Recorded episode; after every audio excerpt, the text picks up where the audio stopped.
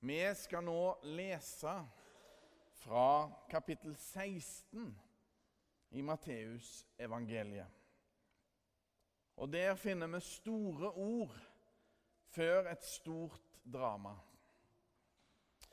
For det snører seg til rundt Jesus.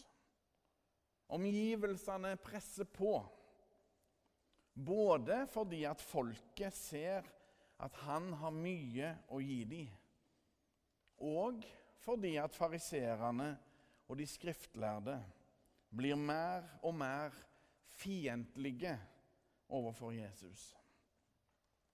Han advarer sine venner mot dem og deres holdninger.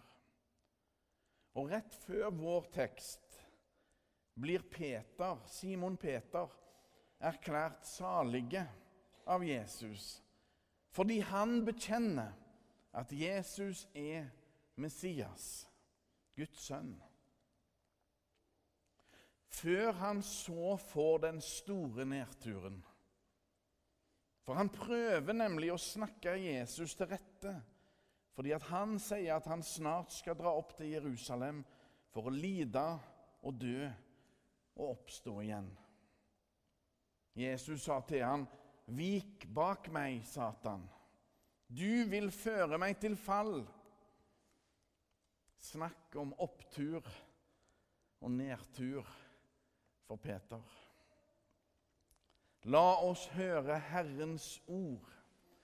Det står skrevet i evangeliet etter Matteus.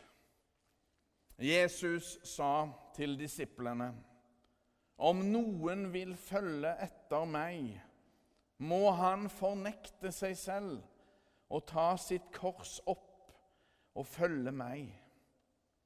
For den som vil berge sitt liv, skal miste det. Men den som mister sitt liv for min skyld, skal finne det. Hva vil det gagne et menneske om det vinner hele verden, men taper sin sjel? Eller hva skal et menneske gi som vederlag for sin sjel? For menneskesønnen skal komme i sin fars herlighet sammen med sine engler. Og da skal han lønne hver og en etter det han har gjort. Slik lyder det hellige evangelium.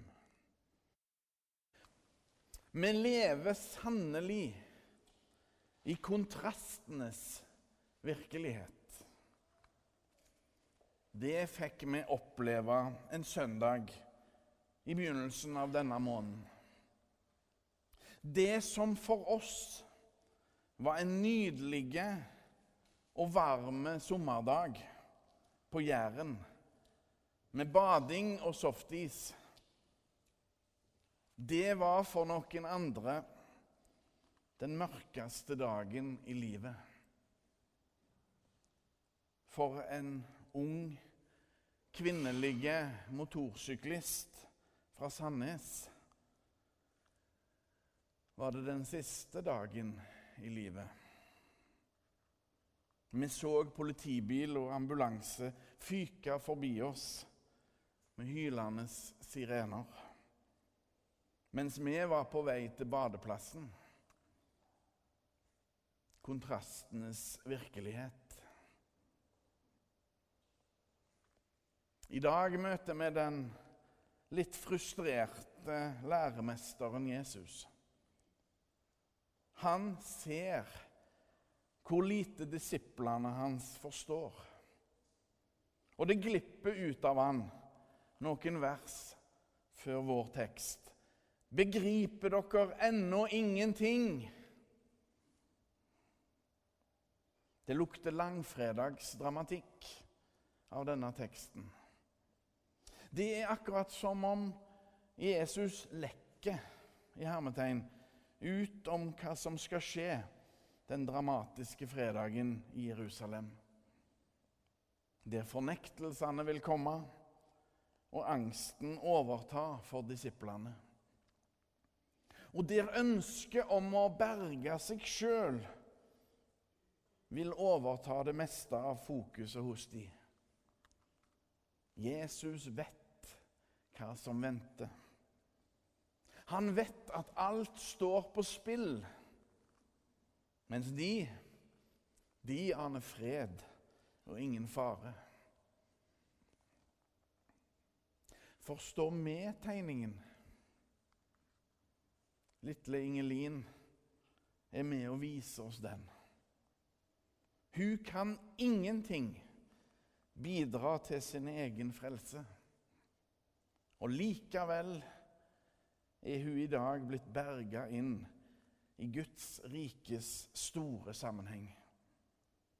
Båren inn i kirkerommet av sine nærmeste. Å leve som kristen er både å bære og å bli båren. Sjølve nåden, det å bli innlemma i Guds rike, det får vi ufortjent. For av nåde er dere frelst ved tro, ble det nettopp lest i Paulus sitt brev til Efesos-menigheten. Det er å bli båren av Guds nåde i Kristus. Her viser Ingeline oss i praksis hva tro er. Hva det er å være kristen. Men å tilhøre det kristne fellesskapet er òg å være med på å bære. Bære de som trenger å bli båren. De som er svake og må bæres. Akkurat sånn som lille Ingelin. Akkurat de siste ukene er det noen her i menigheten som har tatt et ekstra ansvar og sett til at det nye kjøkkenet her i kirka blir virkelighet. De har brukt mye av sin tid på nettopp dette. Og resultatet kommer til å bli kjempeflott. Ja, det er nesten klart allerede. Kjempeflott. Andre igjen viser et stort engasjement i det jevne løpet, år etter år. Å ta sitt kors opp og følge etter Jesus er frivillig tjeneste. Det er å gi tid og penger til gudsfellesskapet. Det er å tone flagg og la de svake få en stemme.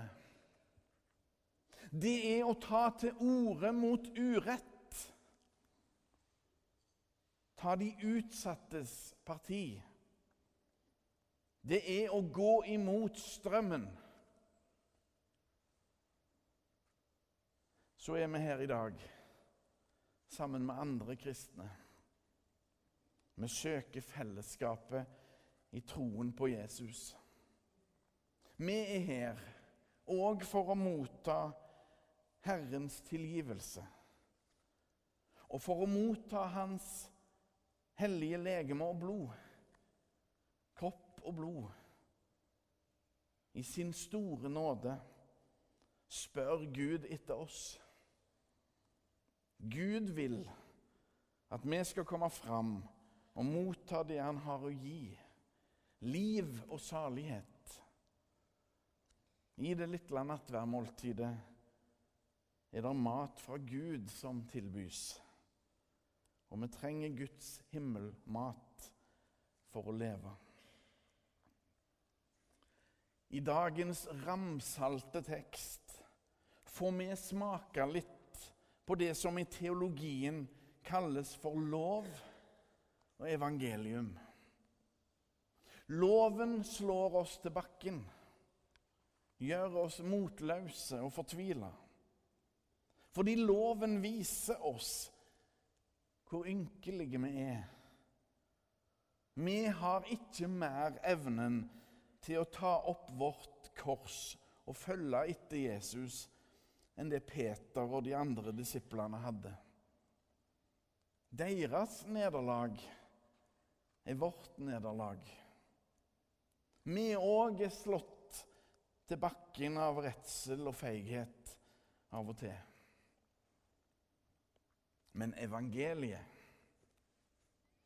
det gode budskapet, det er at vi på tross av vår utilstrekkelighet og håpløshet har en herre og mester som har gitt sitt liv for oss. For alle. For en hel verden. En verden som roper etter en redning. Uten vederlag gjorde han det. I betingelsesløs kjærlighet. Jesus satte alt på spill for oss og vant. Paulus sier det slik.: Av nåde er dere frelst. Og så har vi kristne ulike kår rundt omkring.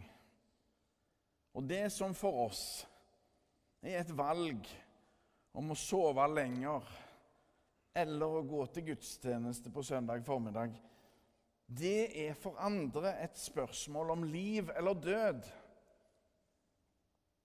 Det spørs på hvor en bor i verden.